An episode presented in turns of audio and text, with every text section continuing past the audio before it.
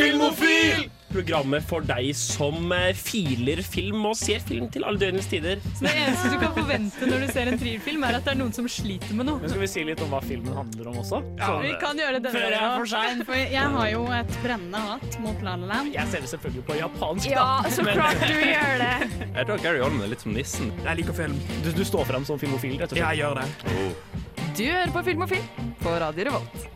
Hasta la vista, Ja. baby. Hei og velkommen til en ny sending av Filmofil. I denne sendingen skal vi snakke om eh, ja, overlevelsesfilmer i anledning eh, filmstedet Amundsen som har kommet ut.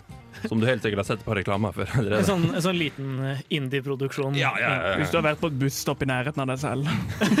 ja, hvis, hvis du har vært utafor huset eller i huset ditt foran en skjerm, så har du nok fått med reklame. Jeg, vet hva? jeg tror de har levert det på post òg, den reklamen. Den er overalt. Den filmen har i hvert fall jeg anmeldt, og så skal vi snakke om dette temaet da, i anledning den.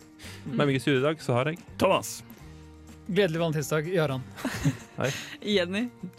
Og eh, tilbake fra de døde, August. Oi! Ja, Mm. for Trine er ikke med oss i dag. Hun er eh, litt syk, så hun meldte avbud. Men eh, August steppa heldigvis inn. Ja, da var det dama di som ba deg om å si det? Nei, jeg, jeg tenkte egentlig bare på dere. For Å, ja. liksom at jeg skulle si til alle dere. Fordi det er Så veldig, veldig glad i dere, altså. Vi elsker deg òg. Ja. Glad valentinsdag til deg òg. Vi skal høre låt. Vi skal høre 'Pikekyss' med 'Holder meg tilbake'.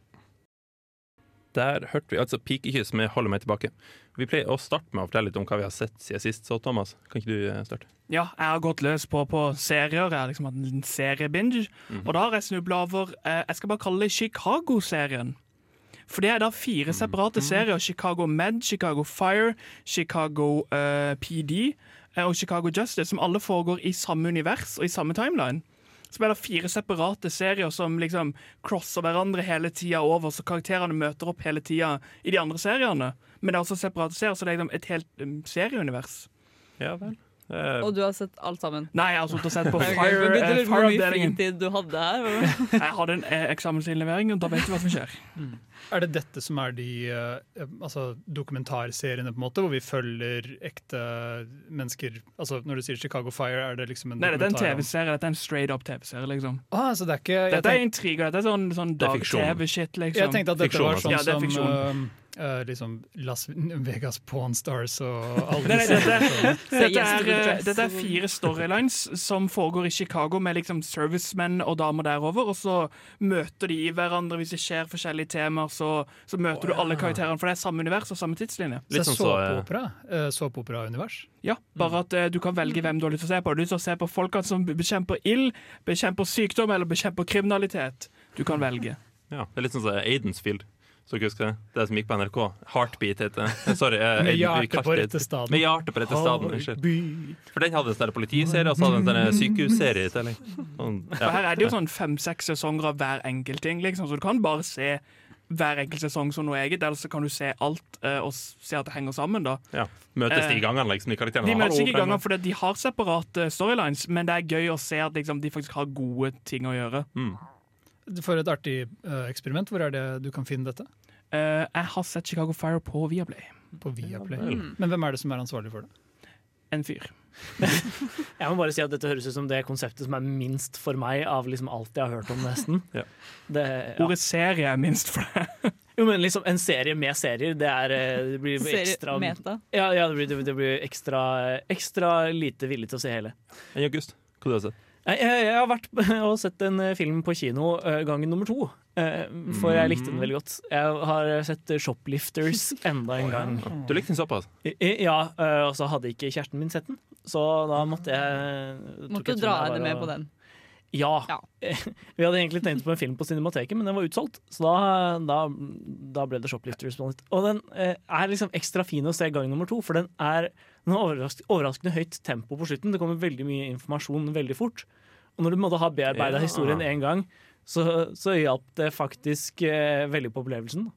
Den, eh, hvis dere ikke har sett den, så er det bare å slenge seg rundt og dra innom Trondheim kino. Jeg tror den går fortsatt. Deilig. Så Sunniva er i byen, det er det du prøver å si? Eh, nei, jeg var i Oslo. Oh, ja. jeg, Men de har cinematek der også. Ja, for det var derfor jeg trodde det var Trondheim. Det var derfor dere fikk den fine snappen at vi tok flyet opp sammen. Ikke Mm. sant. Ja, jeg og Thomas eh, kjørte fly eh, sammen. Det var eh, veldig hyggelig. Det er så mye valentinsdagsstemning i studio i dag. Du går på Ja. kino med kjæresten din, og dere flyr sammen. Og Mm. Jeg uh, har blitt en uh, normie, så det kalles. rett og slett. Denne uka har jeg sett Farmen. Hvorfor? Fordi uh, Kjendisfarmen? Ja, Kjendisfarmen. eh, Den nyeste sesongen. Og det er ganske underholdende. Gå fra Mandy til dette her. Ja, uh, det er som sagt Normie. Hvilken, hvilken episode har du sett liksom det som er, eller begynte det fra begynnelsen? Jeg har sett alt. Oh. Altså alt, alt som er denne sesongen her, ja. ja, OK. Ja. Jeg, jeg så alt. Jeg begynte denne uka. Jeg begynte ikke på mye tid du har. 2003-sesongen, liksom. Det var litt stramt. jeg vet ikke hvem som er med den sesongen, men hvem heier du på? Ingen. Hei, Jeg, heier du eh, på Dana? Jeg har ingen Nei, det gjør jeg ikke. Um, eh, Jeg jobber er med litt- OS sånn i virkeligheten. Det er fantastisk. Uff. Nei, men la meg si at uh, um, Hvis du blir kastet ut av farmen denne sesongen, så blir du sendt på en sånn nabogård som er en sånn bitte liten gård, um, hvor du får en sjanse til å slå deg inn hvis du klarer å konkurrere noen ut derifra. Så du får liksom en, en one-up. på en måte Det er Farmen inni Farmen. Ja, på en måte Men det som er uh, ulempen med det her, er at på den gården så venter Aune Sand på deg. det er den første mannen du ser står der. Hallo! Regissøren av filmen Dis og maleren av malerier som mange jeg ikke kan navnet på. Dis er faktisk på bottom 100-lista til Ja. IMDb. Ja. Den er så dårlig at den har på en måte endt opp med å være en av de 100 liksom, lavest ansette filmene på IMDb, og det er en prestasjon. Ja, absolutt. Jeg jeg Det er Farmens hell. Jeg kan ikke se for meg verre straff enn å bli sendt på hytte med øynene Sand. Det var en fyr som for hjem etter, etter dagen han for. da Han han unnskyldte faktisk med at «Vet du hva, jeg tåler ikke øynene Sand. Ha det. Så gikk han. Nei, eh, vi skal gjøre låt. Vi skal gjøre Combos med Degenerate. Der hørte vi altså Combos med Degenerate. Uh, Jenny, du har vel ikke sett Farmen? Nei, jeg har absolutt ikke sett Farmen. Nei. Jeg skal over til noe litt mer seriøst. Og, jeg, var på, jeg var på Isfit sitt arrangement på søndag, og på kinoen de arrangerte der, søndagskinoen, Mm. gratis arrangement, he-he. Da fikk jeg da sett Hva vil folk si? Endelig. For det er en film jeg har hatt lyst til å se kjempelenge. Hva vil de si? Ha-ha-ha.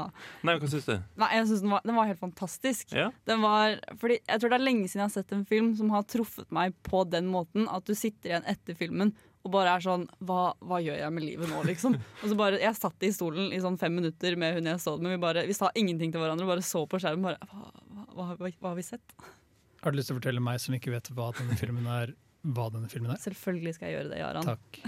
For den tar for seg 16 år gamle Nisha, som eh, er en helt vanlig norsk eh, ungdom, 16-åring. Og hun, ja, hun er en helt norsk tenåring, og hun drar på fester, hun er med vennene sine og gjør det folk gjør. Men familien hennes er da innvandrerfamilie fra pa Pakistan, Nei, ja. Pakistan. Nei, Ja. er det? det? Jo, noe sånt. Know. Eh, de er i hvert fall innvandrerfamilie, da, så de har ikke integrert seg så godt i det norske samfunnet. De kan ikke så godt norsk og alt mulig sånt Og de er veldig faste på sine holdninger og verdier fra hjemlandet, da. Og så Ah, Skam sesong tre. Nei. Men også en dag så gjør hun Nisha da, hun gjør noe som faren ikke helt liker. Hun har med seg kjæresten sin eller noe sånt hjem. Og de gjør ingenting, men han oppdager da at han er på rommet hennes. Og da klikker han helt skeivt i vinkel og banker opp den fyren her, for eksempel. Og så er, snakker han med liksom vennene sine og bare sånn Ja, hva skal, vi, hva skal vi gjøre for at hun skal nå For at vi skal bli respektert som familie igjen, da. Så han kidnapper henne, og så sender han henne til hjemlandet, da. Og så skal hun bare bo der. Og så brenner de opp passet hennes og alt mulig, for, blant annet. Og så må hun bare leve der, og så tror jeg det er åtte måneder eller noe sånt før det skjer noe mer. Og så blir hun sendt tilbake igjen til Norge, da. Å bo der er vel en snill Ja, måte å se det på. Hun blir absolutt der. fanga der. Ja. Eh, og som sagt, De brenner passet hennes, og hun er et, altså, to land unna et, en ambassade. liksom. Mm. Og hun kjenner jo effekt, ingen. liksom. Hun kjenner Ja, ja. jo ikke familien sin engang, Ja, ikke nesten. sant. for hun bor med onkelen og tanten. Ja. Og så, ja. Det er, ja. Jeg vet ikke hva jeg skal si om den filmen. Det var, jeg likte den skikkelig skikkelig godt, og så var den jo veldig pen å se på. Så jeg syns det er en verdig Oscar-kandidat fra Norge, i hvert fall. Mm. Noe av det morsomme med det var at den ble så utrolig mye sett på kino. Det er veldig Mm. få norske filmer som på en måte eh, ikke er sånn eh, Max Manus, eh, stor sånn eh, liksom Hollywood-film, uh. som klarer å selge så bra som den gjorde, da. Det, den, jeg tror den hadde, den hadde opp mot 100 000 besøk på norske Wow. kinoer. Okay. Og det er, det er ikke, ikke vanlig i det hele tatt. Da. Det er mye mer enn uh, en, eh, Thelma hadde, eksempel. Mm. Jeg mener, husker at 12. mann hadde 500 000, eller noe sånt. At Mm. den var tilnærmet en rekord. Jeg tippa Max Manus hadde mer, men det 12. mann hadde 500 000. Så Mm. Eh, eh, hva var det du sa? 100 Ja, og, 000. og, ja, rundt 100 000. Det er absolutt en oppnåelse. Men det er en film du virkelig burde se. Ja, ja, absolutt. Gjerne, hva du har sett. Det er valentinsdag, så jeg skal prate om en mann jeg elsker. Jeg skal prate Ah. om uh, Orson Wells og filmen hans 'The Other Side of the Wind'. Okay. Som Ah. var, altså Orson Wells døde uh, uh, nært 1980. Og Mm. da Orson Wells døde, jeg tror det var 76, så jobbet han på en film som het 'The Other Side of the Wind'. Uh, i er Wind. The sier. Wind. Wind ja. ja. okay. Andre siden av vinden. Ja. Uh, på en måte litt sånn med noe penger fra Hollywood og litt penger fra egen lomme. Uh, og den ble aldri fullført. Peter Bogdanovich, som er en annen liksom Hollywood-legende, og var på en måte Orson Wells' disippel til en viss grad. Da. Han lovet Wells å fullføre filmen, og det fikk han endelig gjort med hjelp fra mange andre i fjor. Og den kom ut på. Netflix over ja, men her greier Orson Welles er en diger legende, yeah. men det er nesten ingen som har fått med seg at filmen er ute, eller at den er, altså at den er på Netflix, og at dette er hans siste tapte film. Jeg har ikke fått med meg i hvert fall. Jeg, jeg, jeg snubla over den da jeg var på liksom eh, filmer av kjente regissører eller en eller annen sånn obskur kategori på Netflix, eh, og plutselig var det sånn Eller autørprisvinnende autørfilmer. eh, En eller annen sånn Altså rar Netflix kategori. har det som er ansett en hellig gral innenfor liksom filmnerdenes Ja, ja, ja. verden, og de har nesten ikke altså, sagt ifra at den kommer. De, de lagde en, en eh, glorifisert trailer i form av en dokumentar om Morrison Wells, det gjorde de. Men det var på en måte det de gjorde. Etter du var ferdig med denne, ble du anbefalt Sex Education av Netflix? Eh, nei, jeg ble anbefalt Kingdom, den nye eh, koreanske eller kinesiske zombieserien. Ja. Netflix sine anbefalinger. Ja. Nei, men den er sikkert god, men nok om den, og mer om The Other Side of the Wind, Ja. fordi Altså, for en film, for en mann. Jeg uh, elsker Orson Wells. Jeg er utrolig stor fan av Orson Wells. Og han er jo et multitalent og et geni av proporsjoner. Og The Other Side of the Wind er ikke en perfekt film. Jeg tror nesten de fleste som ser den jeg, altså På Netflix hadde jeg, som elsker Orson Wells, 76% liksom match med den filmen, da, som de liker å kalle det. Jeg tror, alle, jeg tror ikke den er for alle, men jeg anbefaler alle som er interessert i film som språk, å sjekke den ut. Det er veldig, det er veldig Orson Wells jobbet på noe da han døde, som var på en måte Han skapte sitt eget cinematiske språk. Og altså, den er så tykt lada med altså alt, alt, alle slags ideer og tanker, og både om film, den er veldig meta. Uh, plottet er basically en regissør som begynner å bli litt avdanka gammel og på en måte har vært litt sånn i eksil. Han prøver bare å lage en film. Ok. Og den er dritbra. Nei, den er utrolig pretensiøst. pretensiøs. Og egentlig så er det Oh. veldig mye sånn Det er veldig åpenbare homofile undertekster. Og, ja. Oh, ja. ja. Nei, det. Men du anbefaler altså alle å se den allikevel? Nei, jeg anbefaler alle som er interessert i å se den. Jeg skulle ønske, jeg skulle ønske at alle så den, uh, bare for Orson Wells trenger all kjærligheten han kan få nå, nå som han er død. Ja. Og det er valentinsdag. Det er andre. Nei, vi, vi skal høre låt. Vi skal høre 'Temporary' med Recall.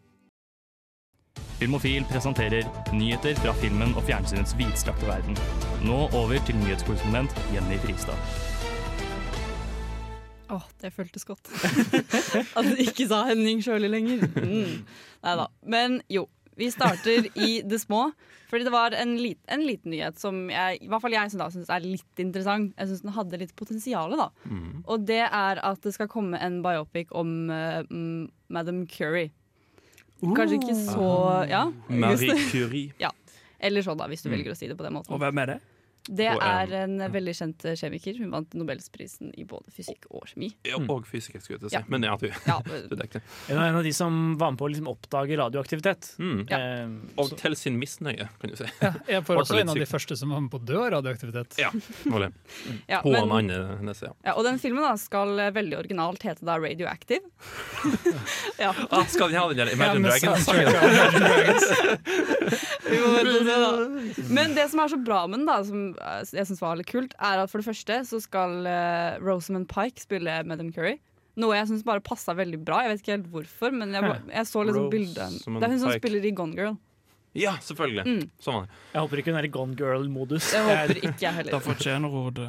altså, Sånn, eh, og sånn gal vitenskapsmann. Ja, men Det vet jo ikke vi. Det kan hende Marie Curie var litt uh, gæren. Men Ja. eh, det som også jeg synes er veldig fascinerende er at det er, eh, det er jo Rosamund Park eh, i Parks, heter hun. Og så er det også noen andre kjente skuespillere som skal være med. Vent, da. Det skal være um, Sam Riley, blant annet, skal også være med. Han skal spille mannen hennes.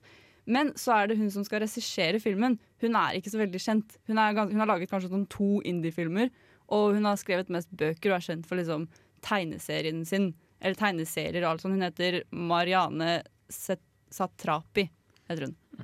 Og der mista jeg interesse for filmen. Ja. Men det som er liksom bra, er at for jeg føler sånn biopics generelt de, skal liksom, de får så mye budsjett, og de skal være så bra, og de er kanskje ikke så ekte, og alt mulig. Men kanskje hun da velger, som ikke er så kjent, bare velger å sette seg ned og ordentlig gå inn i historien. Noe jeg veldig håper. Kanskje? Jeg, jeg syns det er veldig fint at de endelig tar for seg Marie Curie, for hun har på en måte en veldig interessant eh, fortelling. Hun, eh, var jo, hun skulle jo egentlig ikke få den første nobelprisen hun fikk. Eh, men eh, mannen hennes, eh, Pierre Curie, nektet å ta imot nobelprisen med mindre hun også var en av mottakerne. Mm. Eh, så det er veldig mye stoff å ta tak i der, og det har vært veldig mange sånne biopics eh, i det siste om eh, mannlige vitenskapsmenn. Mm. og mange av de har vært ganske dårlige. Eh, eller i hvert fall, i hvert fall middelmodig. Sånn The Imitation Game og eh, den uh, The Theory of Everything. ja. Hmm. Men, uh, men jeg, jeg, jeg syns det, er veldig- synes det er veldig gøy at de tør å ta for seg en, en kvinnelig uh, Kvinnelig vitenskapskvinne. si. Men det er ikke første gang de lager biopic om uh, akkurat Marie- Marie Curie. Da. For et par år siden på Kosmorama gikk det en film som heter Marie Curie. Jeg og Sunniva så den. Mm. Men det var ikke en storproduksjon?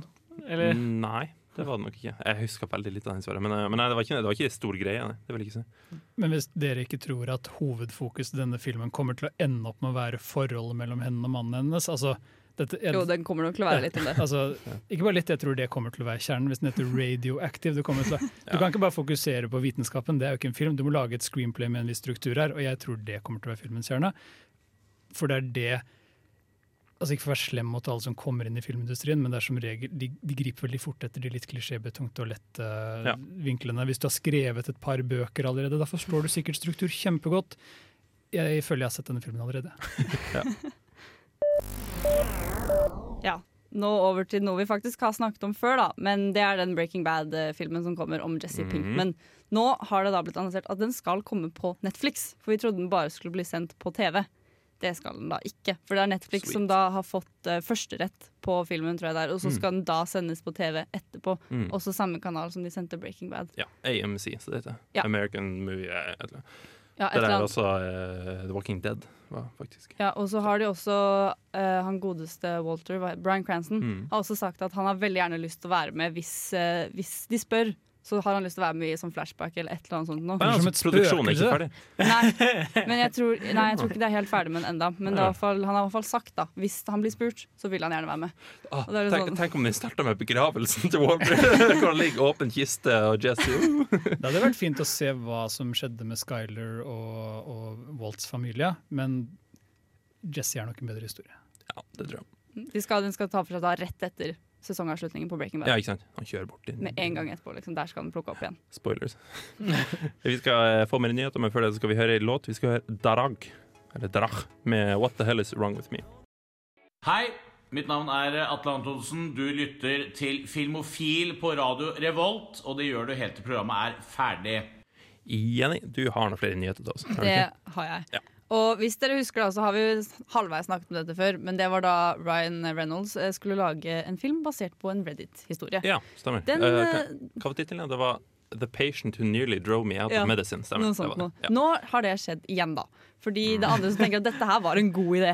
Og av de så er det da Steven Spielberg. Unnskyld meg, men hva har skjedd med den mannen? Han skal lage en Reddit-historie fra No Sleep som heter da Spire in the Woods. Han skal gjøre det til en major motion picture-film. da Dette er Academy Award-winning director Steven Spielberg. Dette er mannen bak Schindlers liste. Ja, men Det kan jo bli spennende å se, for det er disse folkene bare sånn faktisk tar dette seriøst og lager noe bra om det. For alle historier som blir pitcha, høres jævla dumme ut når du hører de bare i en dårlig pitch. Jeg tror jeg. Vil du høre hva filmen handler om også, kanskje? Nei, nei, jeg har ikke lyst til å ha det for lenge. Jeg kan forsvare det så lenge jeg ikke vet det. Det som skjer her, Thomas, det er at Hollywood har funnet enda en måte å spare penger på. Hvem trenger å kjøpe en story Det når du bare kan copy-paste det fra internett? Og så kommer Steven Spielberg, Spielberg og bare 'Jeg elsker penger! Ha-ha! Jeg kan også være på den trenden! Please!' Jeg lurer på hva filmen handler om. Jeg, Ja, nå skal du få høre. For den tar, tar seg for deg en ung mann som er på leting etter grunnen til hans venns selvmord. Så han skal finne ut av hvorfor vennen hans tok selvmord. Men som han liksom graver dypere i denne historien og prøver å finne ut av det, så blir det skummelt. Ja, rart nok. Ah, ja. Men Det eh, hadde um, jeg ikke gjetta. det Skudd i mørket. det er sånn He finds himself entranced by the, av den samme fascinerende, men deadly ghost story som vennen hans var i før nei. han døde. Det er sånn Sonic XE-historie. Ja, dette er en creepypasta. Ja, det er en creepypasta. Shit. Nei, ja, ja. Men eh, det er jo lenge siden Spielberg har laget noe som på en måte skulle være skummelt. da Ja, men det Så- er Jeg- ja hva, hva var det? Schindlers liste. Bø. Ja, hvis du ikke blir redd av Schindlers liste, så vet jeg ikke hva slags fyr du er. Det er sant. Holocaust er Jeg- kjempeviktig og alvorlig. Henning. Det vet jeg veldig rett på. Ja. Men, men eh, altså de eldre filmene hans hadde veldig mange sånn horrorelementer. Eh, Jurassic Park har jo også det, på en Han, måte. han- han plukka opp Tobe Hooper og produserte Poltergeist. Mm. Han var, og, og High Summer er jo fortsatt regna som en skrekkfilm. Merkelig nok. Men, men så, så det, kan, altså det aspektet ved det kan jo være interessant å liksom se hvordan han lager skrekkfilm nå, da. Eh, men, men, men jeg er jo enig i at jeg kanskje ikke har sånn kjempestor tro. Mens han skal sies da, så skal han få hjelp. Han skal få hjelp av Roy Lee og John Berg, som Og har Ryan vært med ja. Nei. Og de har vært med å lage filmer som The Ring og The Grudge og It og sånn. Så han får noe hjelp på oh, den fronten, da. Men The om Ring det og The Grudge. ja, Grudge. ja. Men Jeg tror han har blitt senil. Ja, dette, er, dette er Steven Spielberg vil ha penger og vil jobbe minst mulig. Ja, ikke sant. Og nå over til sånn liten sånn ønske, ønskegreie fra Thomas på siden av rommet her. Fordi det, har, eh, det er noe Oscar-nytt som har skjedd, Thomas. Er det ikke det? Det er dessverre det. Har du lyst til å si det, siden du Skal er nyhetsansvarlig? Ja. hos oss? Fordi som vi vet da kanskje, så har Oscarene har gått vekk fra litt sånn det det har vært. på en måte. Nå skal de annonsere mange av prisene sine i commercial breaks. Ja. ja. Og noen av de kategoriene har nå blitt lansert av hva det er, blant annet da cinematografi. Å, jeg er så fly forbanna. Mm. Fly fuckings Og det er det mange som er. Det er veldig mange, både regissør eh, Tarantino og Guillermo del Toro og mange har gått Martin ut og sagt Scorsese at, ja, sin uh, Mange av de har gått ut og sagt at dette her vil vi ikke ha noe av. Og du er da en av de, Thomas? Jeg er en av de, jeg er på lik linje med disse folka. Og det, er, det er kjempeirriterende, for det fins ingen film der ute som ikke har to elementer. Du kan ha, lage filmer uten ordentlig skuespiller, du kan lage filmer uten ordentlig lyd. Du, det har vært Stumfilmer har vært en stor ting, men det har aldri vært en film som har mangla edit eller cinematografi. Men begge prisene blir nå bare dytta til en commercial break, istedenfor å bli tatt opp på lufta. Jeg har litt blandede følelser rundt dette, fordi jeg syns det er veldig dårlig gjort. Altså, Som Thomas sier, det er veldig viktige deler, og noen av de mer spennende tekniske delene ved å lage film. De fortjener anerkjennelsen, de også. Men som en fyr som mener at Oscar-sendingen og seremonien bør avskaffes fullstendig, så tenker jeg ok, først blir vi kvitt disse, neste år så fjerner vi beste sang og beste film og sånn, og snart så er det bare en haug med folk som sitter og klapper av seg selv i et rom, og så slipper vi å se på. Det er det du håper på. Ja, så jeg, jeg syns det er synd at de um, At disse veldig måte, gjeve og Altså de jobbene som virkelig fortjener ros, mister litt anerkjennelse. Men hvis det er et skritt i riktig retning, mener jeg måtte avvikle hele Det er dessverre ikke det. Sånn, sånn som jeg har skjønt det, jeg har ikke lest sånn kjempemye bak den saken, men sånn som jeg har skjønt det, så skal det eh, gå på runde, liksom. At dette året er det disse tre prisene som ikke vises, og så Mm. neste år er det noen Neste år andre er det priser. beste film, og så Beste film, regissør og male actor. De tar ut alle de der kvinnetingene. Beste kvinnelige hovedrolle, birolle bare, "Æ, det er greit." De er ikke så viktige. Vi skal høre låt. Vi skal høre Pellicat med I Love The Idea Of You. Som sagt, i starten av sendingen så, så, så, så har jeg eh, anmeldt en film. Jeg har anmeldt Amundsen. Eh, En liten sånn eh, norsk småproduksjon. ja, veldig liten. en liten eh, beskjeden sak. Kom til et busstopp i nærheten av deg. Ja. Nei, eh, jeg eh, hadde ingen forhåpninger. Jeg ble eh, ikke skuffa, men jeg gikk ut med ingen inntrykk heller. Så, så nei, jeg tenker vi hører klippet jeg har. Amundsen forteller historie om mannen som var først på Sydpolen, gjennom øynene til hans storebror og økonomiansvarlig Leon Amundsen. Leon forteller oss at den legendariske mannen fra fattig lille Norge som slo imperialistene ned i støvlene i 1911, også var en dust. Første på Sydpolen. Den første til å seile rundt hele det arktiske osean. Den første til å fly over Roald satte sitt eget og sitt mannskapsliv i fare for å oppfylle hans nesten hellige overbevisning om å være først til både det ene og den andre. Og når ting skjærer seg, noe det flere ganger gjør, viser han lite sympati og feier død vekk med unnskyldninger de visste hva de meldte seg opp til. Når han ikke tar i betraktning at disse menneskene kanskje ikke var like sugen på å gi livet sitt for å slå disse rekordene som han sjøl var. Men greit nok, det. Det som gjør Roald Amundsen til en virkelig dust, er at etter alt han har oppnådd, skriver han ei bok hvor han greier alle han har møtt i sin ferd under samme utakknemlige kam. Enten de hjalp han, redda livet hans eller fornærma han. Har jeg uttrykt meg uklart? Jeg kunne like gjerne vært på en fremmed planet, vi. Og da tenker du altså At det skulle være uten risiko? Karakterene i filmen er dessverre ganske svake. Dama hans eksempel blir introdusert samtidig som to-tre andre tidligere damer, alle med relativt likt utseende og enstavelses kallenavn, som gjør det ganske vanskelig å skjelle fra hverandre. Dette sammen med filmens ikke-lineære struktur bidrar til å gjøre dette veldig forvirrende. Som sagt blir historien fortalt gjennom Leon Amundsen i en samtale mellom han og Bess, den siste dama til Roald. Så når Leon forteller Bess at Roald var en dust når han gjorde sånn og sånn, og Bess protesterer, er jeg ikke helt sikker på hvorfor jeg skal bry meg, men heller opphengt i Vent, var det her dame én eller to, eller var det hun som møtte han på den turen som var i der, og Nei. Når Leon i tillegg virker som at han stort sett bare er sur på Roald fordi han brukte pengene deres uansvarlig, er det vanskelig å bli revet med i samtalen mellom disse to karakterene. Selveste Roald er ganske lite engasjerende også, fordi han stort sett alltid er en kjeftende, ufølsom dust, kun opptatt av å være verdens beste. Men filmen overraska meg litt på ett punkt, med at den tok for seg hele livet til Roald etter ferden til Sydpolen, og her dukker det opp et fint tema. Blir man endelig fornøyd når man har nådd målet sitt? Amundsen får oppleve at man kan møte motstand selv i seier, og denne motstanden kan sies å starte en negativ spiral for han, som gjorde at han bare ble mer og mer bitter, som pusha behovene hans for å nå nye mål, og pga. dette tror jeg ikke han følte seg helt forløst i slutten. Han hadde behov for heltestatus, og hver gang han oppnådde noe stort, følte han seg bedratt av en eller annen, så han satte seg et nytt mål. Nå kommer alle til å se hvor super jeg egentlig er. Niks. Selv om jeg syns dette temaet er interessant, føler jeg at det finnes utallige andre filmer og serier som tar opp denne problematikken på en bedre måte. Mye fordi jeg ikke helt klarte å sympatisere med noen av karakterene. You can't conquer nature. You just have to play along with it. You don't know him. I think I know my brother. Arctic? No. I have. Alt i alt må jeg si at Amundsen var en ganske skuffende film, med et unødvendig rotete narrativ og en mangel på karakterer man kan relatere seg til. Men det var fortsatt ganske spennende å se han snuble rundt i snøstormer sammen med sine medsammensvorne som falt som flue. Ja. Tror du den kommer til å bli en eh, hit på norske kinoer, da? Absolutt. det tror jeg.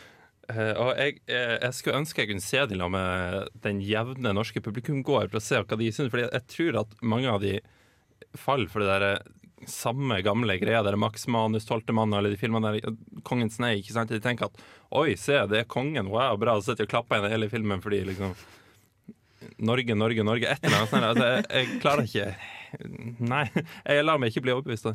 Men da Max Manus og Den tolvte mannen i det store hele fremstiller sin hovedkarakter som en helt, så virker det egentlig som de ikke var så positive til Roald Amundsen i Ja. denne filmen. Eller Ja. er det bare din tolkning? Uh, jeg vil uh, si at de framstilte han uh, negativt, ja. For traileren gir meg inntrykk av at uh, liksom, å, er, å, nå skal alle heie på Roald Amundsen. Da Ja. har jeg sett traileren. til Ja, filmen, men det er fordi. Ja. me- mesteparten av trailerklippene er det som skjer før han kommer til Sydpolen og slår, eh, slår eh, engelskmenn. Mm. Ja. eh, og etter det blir han mer og mer bitter. Som sagt, han møter, eh, møter motstand i seier. Det der med at uh, engelskmenn gir han dritt og framstiller han som en idiot fordi konkurrenten, konkurrenten hans døde. Han der er Scott. Hva Mm. heter mm. uh. Scott blir, uh, blir heva som en martyr, så han er en helt, ikke sant? Mens Roald er han tjuven som liksom slo han og Mm. førte til at Scott døde. Med en britene, ikke sant? Og da ble han rana uh, tittelen sin. Og da ble han bitter, ble han sur og uh, kjip fyr. For her i Norge så prater vi nesten aldri om Scott. Vi sier bare at Nei. Amundsen slo han. Ja. Han døde på veien. Ja. Med alle folkene. Han var det med Han 65 døde år. vel, eh, døde vel på vei hjem. Ja, stemmer. Han De var bare nådde Sørpolen, og så nådde ikke så langt ja, andre retningen. Nettopp. Um, De var, de var ganske nært, det var de. Mm. Men eh, problemet var at de hadde med seg hester og eh, motoriserte kjøretøy, mens Amundsen hadde med seg biler og pulk. Nei, biler. Unnskyld. Hunder. Jeg. Biler. Liten, liten forskjell.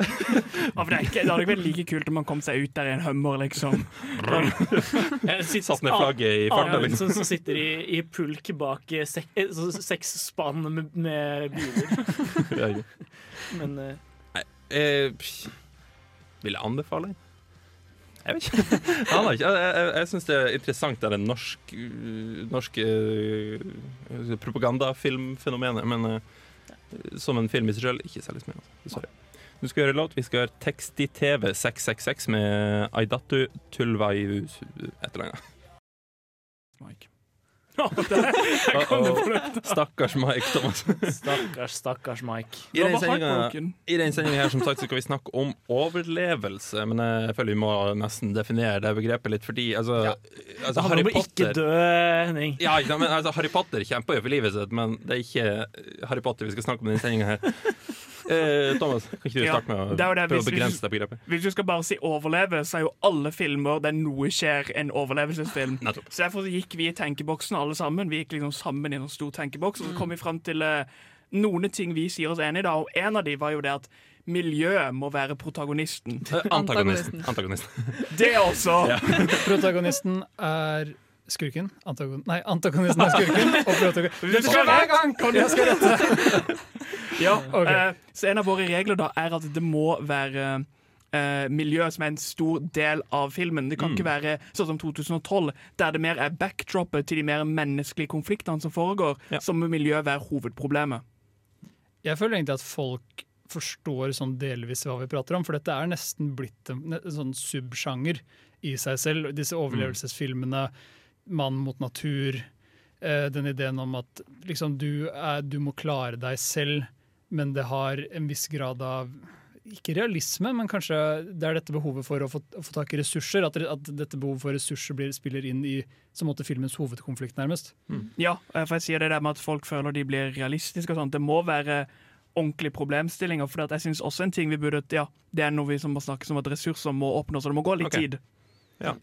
Dette er jo en eh, sjanger med ganske lange tradisjoner også. Eh, Det går jo i hvert fall helt tilbake til Den eh, hemmelighetsfulle øya av Jules Verne. Det er jo i litteraturform, riktignok, men hvor en gruppe mennesker blir strandet på en øde øy og må prøve å liksom finne, finne fram til løsninger på problemet. Mm. Og det igjen er jo på en måte en slags sånn eh, Jules Verne sin 1800-talls modernisering av Robinson Crusoe-fortellingen. En eh, annen ting som jeg tenker vi må snakke om, er at dette er, er ikke monsterfilmer.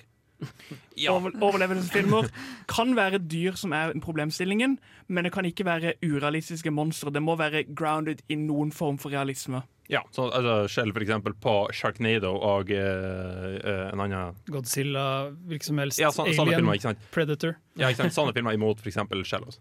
Ja, eller sånn zombiefilmer, da, blant annet. Går Ja, også under det. ja.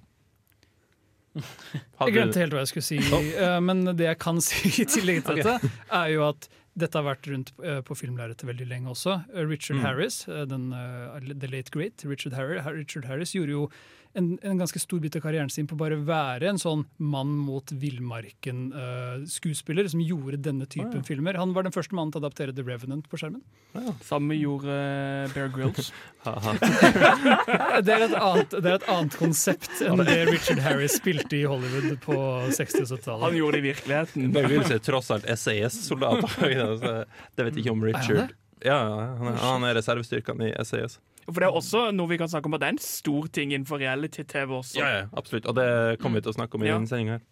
Men jo, har vi landa på en, eh, ja, noen, noen avgrensninger, da? Ja. Mann mot natur. Ja. Og ikke et monster. Dette er faktisk en av de klassiske konfliktene i litteratur. Ja, ikke sant? Rett etter å kaste ringen i en vulkan. Med det så går vi videre. Vi skal høre ei låt. Vi skal høre 'Sunflower Bean' med 'Come For Me'. Der hørte vi altså 'Sunflower Bean' med 'Come For Me'. Mm. Eh, vi hadde lyst til å snakke om litt sånn, eh, de, den delen av overlevelsesfilmer som, eh, som forteller sånn realistiske historier. Og da innså vi at mange av de her historiene faktisk, eller filmene mine, var norske filmer. Jenny, Ja, du Fordi du har jo survival-filmer som er liksom Ja, dette er spennende. Og så har du de som er Dette er faktisk basert på virkeligheten. Mm. Det er faktisk veldig spennende, liksom. Eller ikke spennende. Alt ettersom hvordan Altså ettersom hvor- hvor god filmen er, rett Ja, og slett. Ja. rett og slett. Og det er noen av gode eksempler på det her, da, som tilfeldigvis også var norske, f.eks. Kon-Tiki, som ble Oscar-nominert, nom Mm. til og med, og Den tolvte mannen, som kan argumenteres for om var en god film eller ikke, men ja. Kon-Tiki er faktisk favorittfilmen til bestemora til Det vet jeg ikke hvor du har fått fra, Thomas. Men, det, men jeg kan godt prate litt om Kon-Tiki. For Kon-Tiki er et kjempegodt eksempel på dette med overlevelse. Selv om uh, Tor Herdal og vennene hans mer eller mindre satt seg i den situasjonen selv, så er det ikke sant? De må konstant uh, De utsettes for vær og for vind. Det er, Hav hav Hai. og, og hai. Ja. Og Og, papegøye og mat. Men det er dette med at Sol.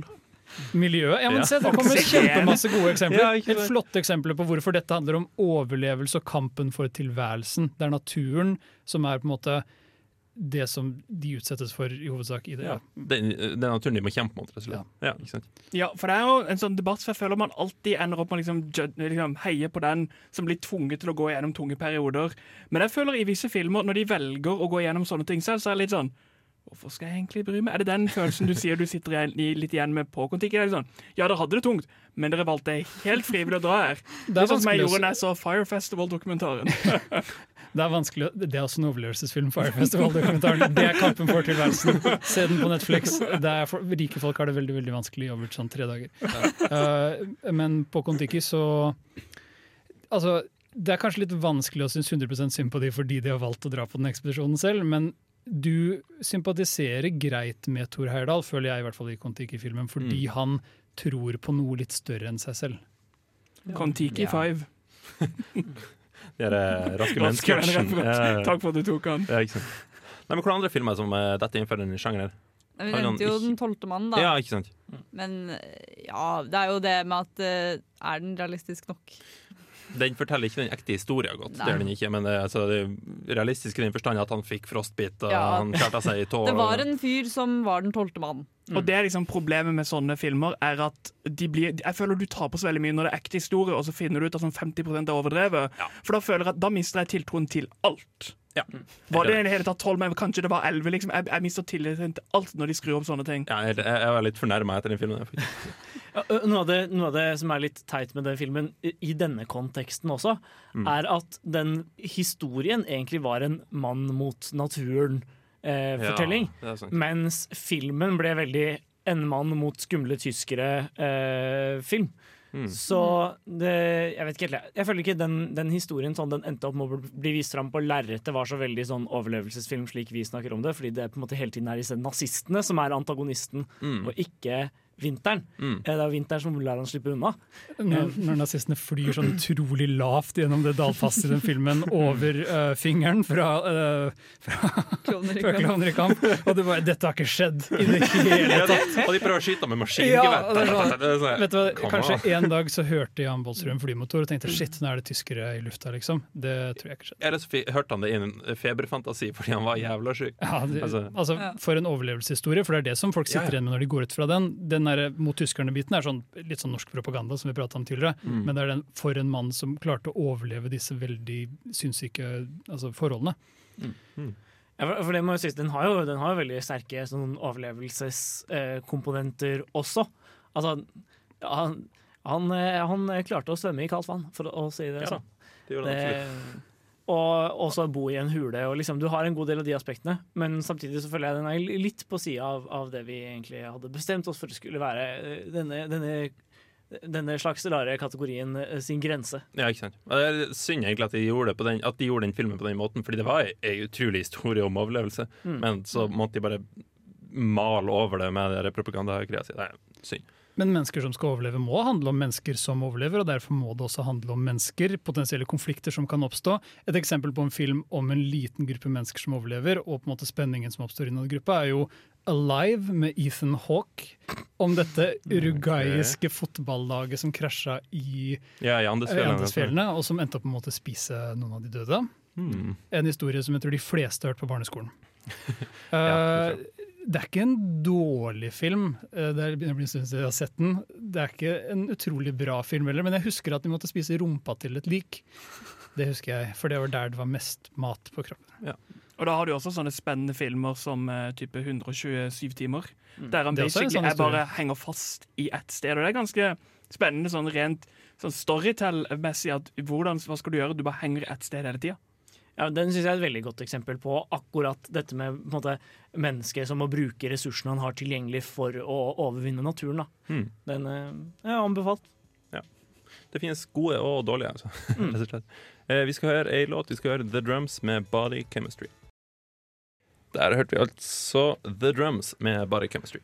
Eh, dyr er noe som dukker opp i de filmene der jeg nevnte så vidt. Sharknado og hva var det, The Shallows nevnte. Bare, Men ja, gle, bare glem Sharknado. Bare Ja. glem det med Ja. Kast ut av vinduet. Vi prater ikke mer om Snakker vi om Sharknado. én, toeren og treeren, eller kan vi beholde treeren? Glem alle Sharknado-filmene, for det handler ikke om overlevelse. Det er mer en slags monster action-type film. Nettopp. Og Det er en gråsone her, på en måte, fordi disse grensene blir veldig små. Hvorfor er det en actionfilm, og hvorfor er The Grey med Liam Neeson også i den overlevelseskategorien? på en måte? Er ikke det også en actionfilm? De fleste filmer er actionfilmer. De har spenning i seg, de er spennende filmer. Den er i grey-sona, faktisk. Oi da. Takk, Men, men se for deg at du er ute i skogen eller ute i isødet og du prøver å overleve, og det er på en måte hardt nok å være Jan Baalsrud, men tenk hvis Jan Baalsrud også måtte unnslippe ulver. Mm. Det er på en måte det vi snakker om her. For dette er, Hvis vi sier at overlevelsesfilm er en subsjanger, så er dette en sub-subsjanger. Ja. Det tar- det, for de hører gjerne hjemme under thriller, action, uh, Mm. dokumentar eller til og med skrekk. Men det er liksom dette Hvis jeg sier haifilmer, så har alle dere et godt bilde av hva en haifilm er. Haisommer har på en måte gjort dette berømt, da. Ja. og det er derfor de fortsatt finner. For det, det, er altså, det finnes sikkert 10 000 haifilmer der ute. Og de fleste har nok nesten ingen sett. De er ikke så gode. Jeg anbefaler alle å sjekke traileren til Snow Shark. Den er eh, Ghost Shark, og også den nye Tommy Wiseau-filmen, Big Shark. Det helt Big Shark, ja. I motsetning til Baby Shark. Altså. Jeg trodde du skulle unnslippe Baby Shark.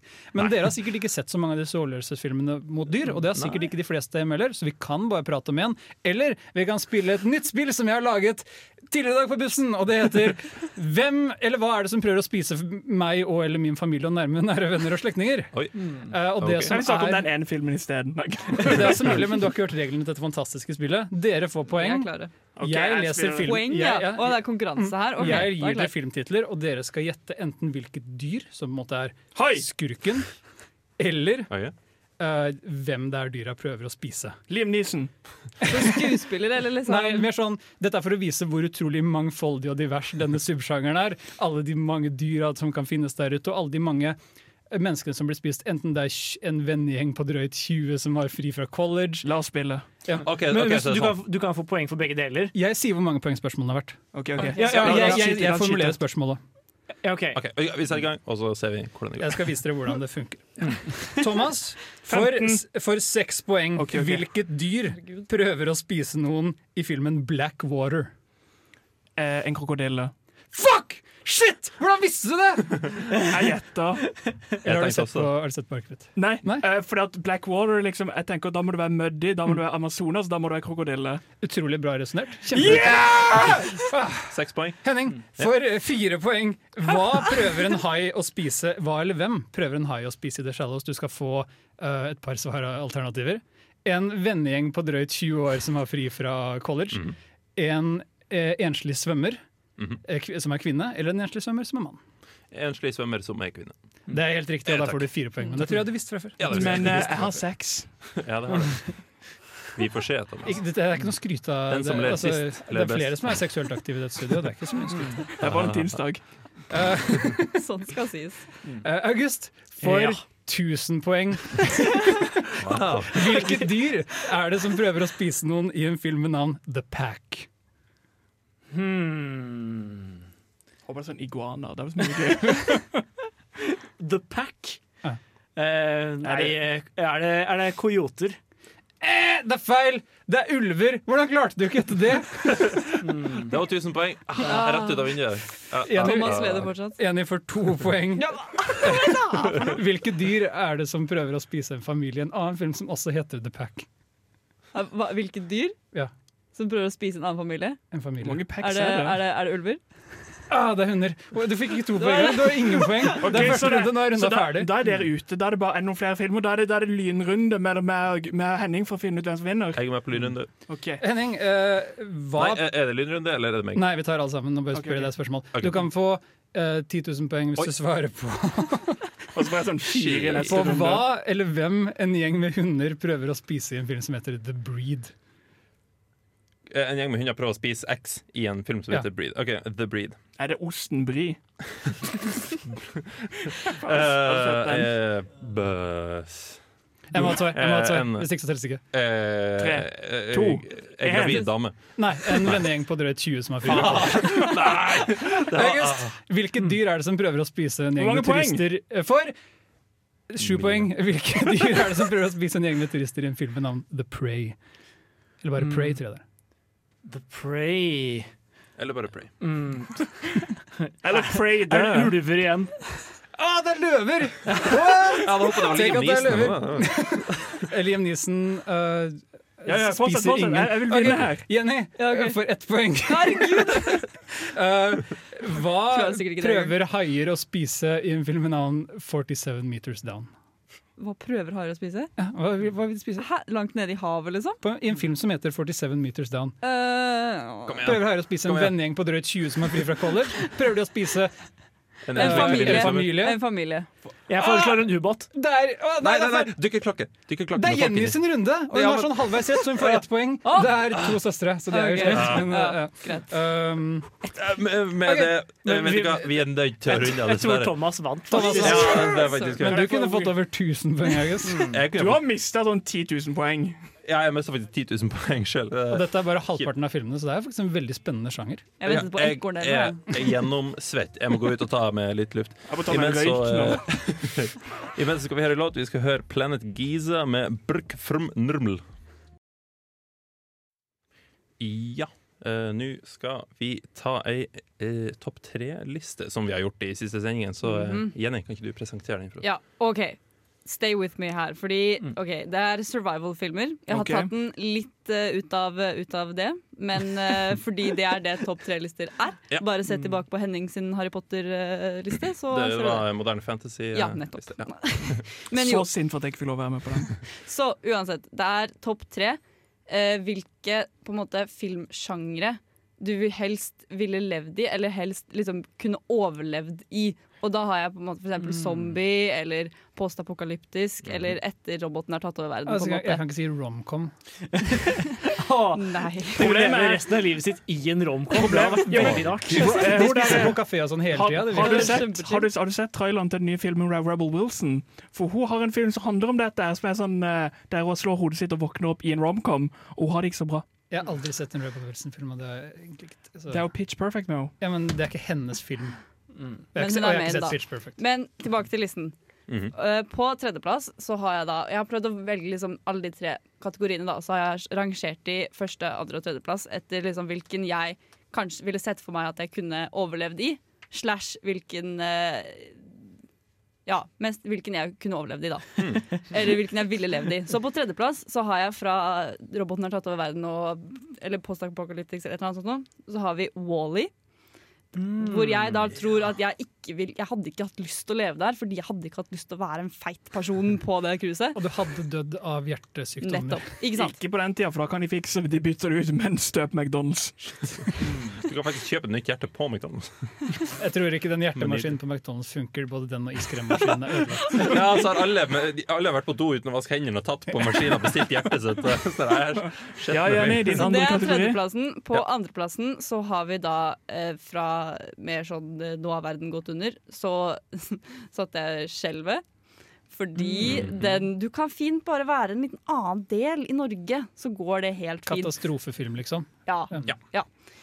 Og så på førsteplass så har jeg hvor, Egentlig her vil jeg mest eh, det, er, det er en blanding av hvor jeg helst ville vært, og at jeg tror jeg ville overlevd lengst her. Og det er zombiefilm, og det er Anna and the Apocalypse. Fordi de, de zombiene er så lette å drepe. Det er liksom bare Du slår den med et blad, og så dauer den, liksom. Du er der. Og så synger de masse, og så er de glad, og så kunne du bare låst deg inn på den skolen og hatt det veldig fint. Tror jeg. Samtidig så er det ganske mange av de som dør, da. Det er det. Men jeg tror jeg hadde vært Du- Du Hadde må, bare du må bare synge høyest. Ja. Hvis du har tatt overlevelsen din halvveis seriøst i Anna and the Apocalypse, Anna and the Apocalypse hadde du klart det, tror du? Er det, er det? Jeg har jo ikke sett filmen, selvfølgelig, men er det sånn at de liksom fjaser rundt, og det er derfor de dør, eller? Ja, men De er liksom en gjeng som går rundt og så bare slår de ned zombier på vei. Så hvis jeg hadde vært liksom en del av den gjengen, føler jeg, og bare vært i midten, sånn at ingen kunne tatt meg Det er sånn Da hadde jeg hatt det veldig fint. Ja, men Jeg, jeg syns dette blir vanskelig når de andre var Jeg trenger bare være i en by over, så skjer det ingenting med meg. Ja, okay, greit, da, den, var vært i ganske Oslo. lett, den var ganske lett å overleve. Hvordan, skjelvet med 2012? hvordan overlevde du skjelvet? Nei, jeg var i Sverige. Ikke sånn, da, men hvis jeg, Jeg for var på eksempel harrytur. Ordna seg fint. Kom Ja, det er veldig fint, ja. Mm. ja men sånn type, da. At, eh, jeg, okay, greit, jeg kunne godt vært i Oslo. Jeg hadde, jeg hadde ikke gått opp på toppen av det Og du trenger trenger faktisk ikke å drepe zombier, du trenger bare å ta bilen en sånn time lenger sør, og så er alt fiksa. Så lenge- så lenge du er på veien, tror jeg Men det det er ikke faktisk. poenget. ikke sant? Du må være liksom der det skjer, føler jeg. For Ja, men hvis du er der det skjer, så er du jo midt oppi zombie-herden. Det det er mye Ja, men da er jeg en del av den gjengen ikke sant, som Ja, men går det- rundt det- og det dreper vet vi ikke, det kan være du bare Ja, men det var det. det jeg sa. Så det... Fair. Skal vi eh, velge alle sammen hvor vi helst vil være? Ja, vil, er dere det enige med med listen? Oslo? Eller sånn? Jeg ville nok ha vært i uh, skjelveverden. Det tror jeg. Mm. Ja. Ja, jeg syns den var, jeg synes den var eh, litt, for, eh, litt for uinteressant, kanskje. Eh, Så jeg ville nok okay. Valgt uh, Wally. Ja. De har mye kul raketteknologi som som jeg gjerne skulle visst hvordan funka. Og du kan bare Ja. sitte i stolen og se på film hele dagen. Kjempefint. Faktisk helt sant. En doktor. Jeg ser ikke noe problem med å leve i vold i verden. Der ville jeg ikke bare uh, overlevd, jeg ville antagelig kanskje aldri dødd, og jeg ville kost meg hele veien igjen. Aldri dødd. Jeg vet ikke hva som skjer i vold i verden. Ja. Det er ingen som døde i den filmen. Jeg, jeg tar vold i verden, for da kan jeg være lat og ikke bli dømt. Fuck yeah. Jeg er den eneste som er i reell fare, mener du. ja, ja. Og en apokalypse. Ja, men- Nå eh, skal vi høre en låt etterfulgt av en liten uh, låt til, faktisk. etterfulgt av en pause. Vi skal først høre Nancy med 'Teenage Fantasy'. For et program i burra med både klasse og stil. Du hører på Filmofil. Nå håper jeg alle sammen har gjort leksa si, og de som ikke har gjort leksa si Nå er han den teite læreren Nå er han teite læreren som har gjort en feil og ikke gitt leksa til elevene sine, og så gir de kjeft når de ikke har gjort leksen sin. Fordi det ble litt endring i planene. Vi skulle egentlig se en annen film, eh, det var det vi ga dere eh, Eller snakke om det temaet, egentlig, og ga dere eh, ei lekse tilsvarende det.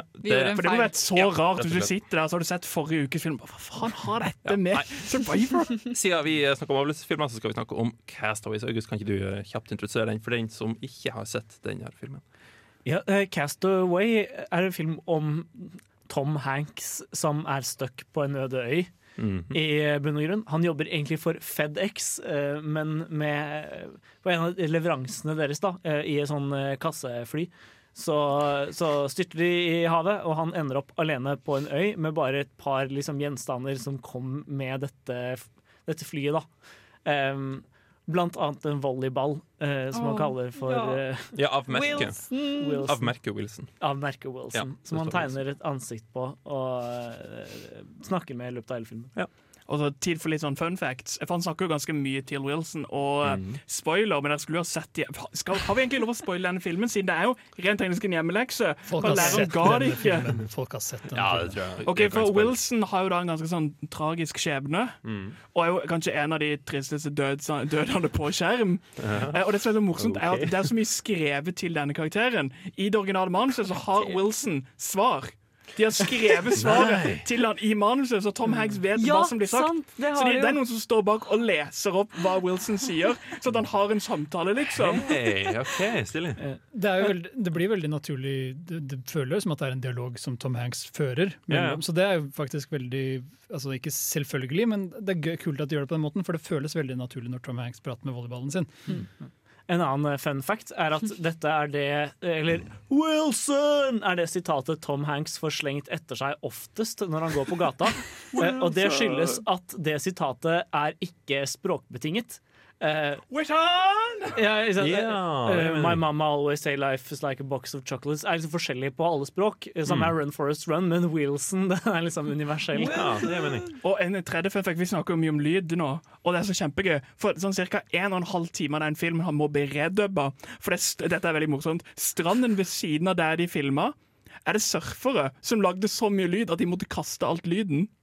Seriøst? Så mens han står er sånn skikkelig tragisk, så er det til sånn tre surfere i bakgrunnen. Og de måtte kutte all lyden og regjøre det i studio, Wow. fordi de hørte det i bakgrunnen hele tida. Men det må, det må også sies at Castaway er en, liksom, en film jeg ble overrasket over hvor godt jeg likte. Mm. For den er jo den er vel regissert av Robert Zemeckis, hvis jeg ikke Ja, husker helt feil. Mannen bak Forest Gump og Welcome to Marvin, som starter ute på kinoer nå. Kødda! Det kommer ikke på kino, den er blitt trukket fra Norge. Det skal vi snakke om neste uke. Ja, det det- kommer vi fort tilbake til. Men, eh, men i hvert fall, eh, han lager ofte ganske sentimentale eh, Han er liksom i Spielberg-generasjonen av regissører, bare liksom ikke like god. Mm. Um, og, og det gjør at filmene hans ofte er litt sånn sentimentale, og, og jeg ender opp med å mislike dem. Men akkurat Castaway var overraskende, liksom. Uh, den, var, den var litt modig i en del av avgjørelsene sine, og det, jeg, jeg likte den veldig godt. Og breaking news, han skal faktisk lage en fil eh, film fra Reddit. No Sleep, han også. You wish. Nå, nå ødela du veldig sånn dagen min, Thomas. Men, uh, Det er bare to timer igjen Jeg er snart redditofil. Men mm. Robert Zemeckis er en sånn filmskaper som jeg føler jeg, Det er vanskelig å ikke like han, men du føler alltid at han, han, han vet veldig godt hva han gjør. Han manipulerer deg nesten sånn. Han bare legger det ut der. Nå skal du ha disse følelsene som jeg har bestemt at du skal ha. Og han gjør Castaway og Forrest Gump sammen med Tom Hanks. Tom Hanks er en kjempekapabel og veldig veldig dyktig skuespiller, som det er nesten er umulig å like. Så jeg vil jo si Castaway, hvor Og, Tom og Hanks ikke like. og ikke like. Noen liker sikkert Tom Hanks, men Castaway ligger jo bare på Tom Hanks skulder, egentlig. Altså, det er jo kanskje Ja, ja. han du liker med filmen, mer enn du liker filmen. Nei, men jeg liker også hvordan manus uh, går, da. Det er jo det, det jeg skal ta, ta opp litt. Det er jo det at det er jo faktisk en hel film båret av én person. Mm. Det er veldig sjelden du ser såpass gode og såpass ikoniske filmer som bare blir båret av én person, der han alene er mesteparten av filmen. Og det er ganske sykt å klare å gjøre. Mm, Mm, også særlig det med at det er en survival-historie. Det, er- det er i denne filmen hvis jeg ikke tar helt feil, hvor han bruker veldig mye gaffateip. Ja, er det ja. ja. Det er MacGyver du tenker på. Nei, for altså, det, er altså, det, er, det, er liksom, det er en morsom film, det er en spennende film, og bare å, Den er veldig bra. Mm. Og Do not var- cast this away. Det var, det var faktisk litt uh, tilfeldighet at Tom uh, Hanks fikk spille den filmen. her. De, de hadde egentlig tenkt at Owen Wilson skulle spille, men når de bestilte ned, Wow. men når de bestilte ned ballen, så tenkte jeg nei, faen, folk Og så måtte de ta Tom Hanks. Nei, jeg kødder, jeg er kødder, jeg kødder, jeg kødder. Var helt klar for den Det var ikke greit. Ja, nei, nei, nei. Sorry, den andre co-staren din en bollypass heter Wilson, så du kan ikke Wilson-brødrene. Vi skal høre ei låt. Vi skal høre Kakk Motherfucker med Runaway Girl. Spenningen spisser seg til. Nå som vinteren nærmer seg, hvem har egentlig drept Laura Palmer? Hvem er den mystiske doktoren? Kommer William til å svare? Hva vil skje? Ukas TV-serie. Ja, hvordan serie blir vi å ta for oss når vi snakker om overlevelse? Mon tro. Og går den på Discovery? Mon tro. Thomas, kan ikke du avsløre hvordan serie vi skal ta for oss? Ja, det er da Must spørsmålet Nei da, det er Man vs. Wild. Eller også kjent som How to Drink Your Piss. Eller uh, How to Walk in the Wild. Eller Bear Grylls The Movie. Mm. The Movie. Ja, det vil ikke jeg si. Det handler da om survival expert i sånn uh, hermetegn. Eh, Bear Grylls som lærer folk hvordan de skal overleve i forskjellige steder. Uh, og sånne serier på en måte har, jeg føler jeg har vært i vinden en god stund. For det er veldig mange variasjoner rundt dette temaet. Så det er overlevelsesfilmer, Men den, jeg føler den mest ikoniske er jo vår egen man Bear Grylls. The, the pisser of drinkers. The Drinker of Pisses. Jeg har lyst- til å slå slag for uh, vår egen hjemmegrodde Lars Monsen òg, som er Ja. en sånn Ja, ja. villmarkens mann. Men drikker han sitt eget piss? Nei, da gidder jeg ikke. En ting man gir, eller mange gir folk som Lars Monsen Det finnes en amerikaner eller engelsk men jeg husker ikke, som driver med samme greia, og det er at eh, de gjør alt sjøl. Bear Grylls har blant annet en sånn, radio, sånn satellittelefon, så hvis han havner i trøbbel, så kan han alltid ringe.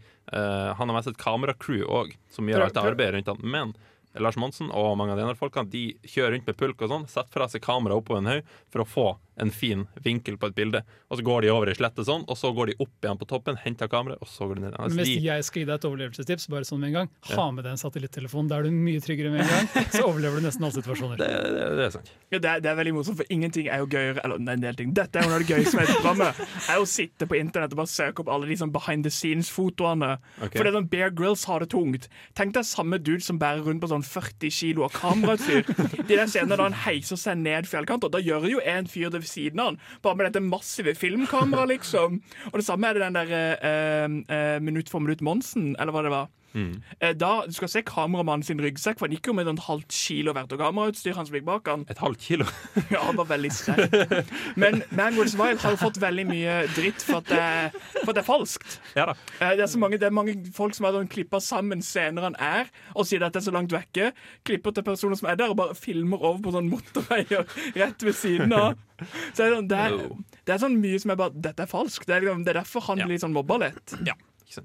Det er mange dårlige overlevelsestips der også. Jeg, jeg har jo sett eh, Bear Grylls bli liksom dumpa i, eh, i liksom Rocky Mountains et eller annet sted og bare begynner å grave snøhuler med henda, og så blir det sånn helt perfekt snøhule. Altså, det er liksom Nei.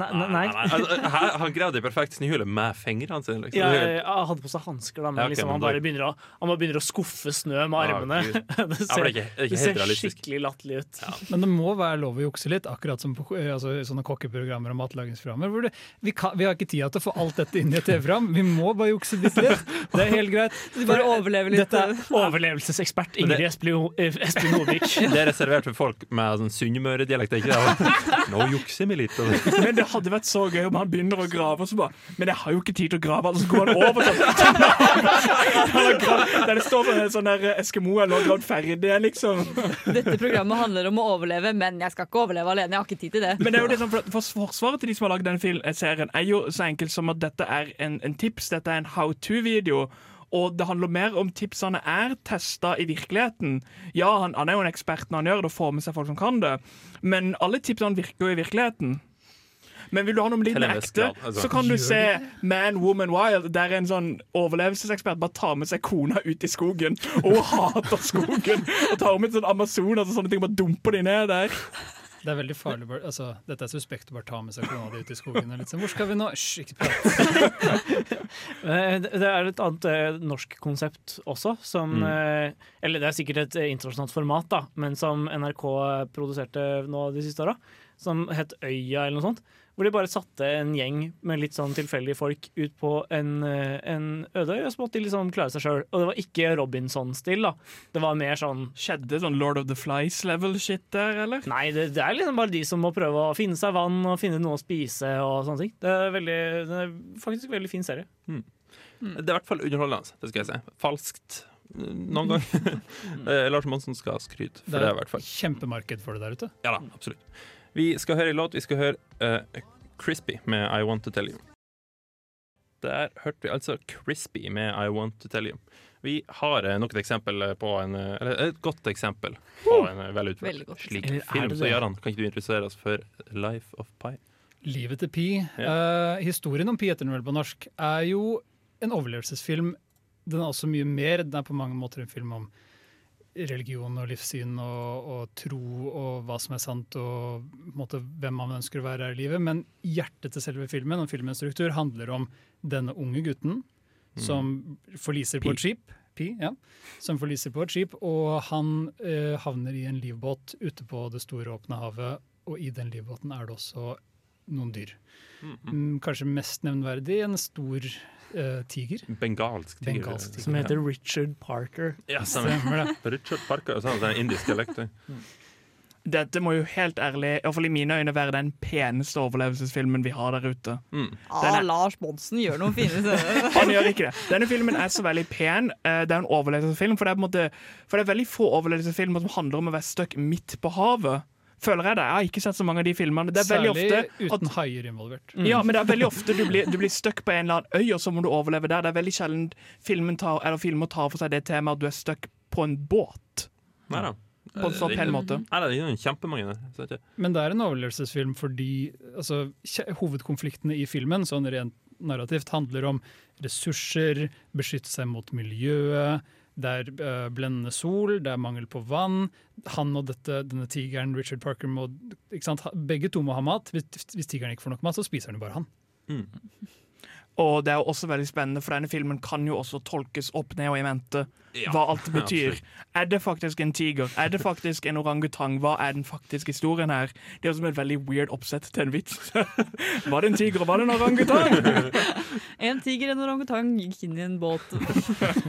Hvem Orang Orangutang, en tiger og en indisk gutt på 16 år i en livbåt i midten av uh, et eller annet hav. Stille havet, tror jeg. Eh, Sikkert. Veldig stort, i hvert fall.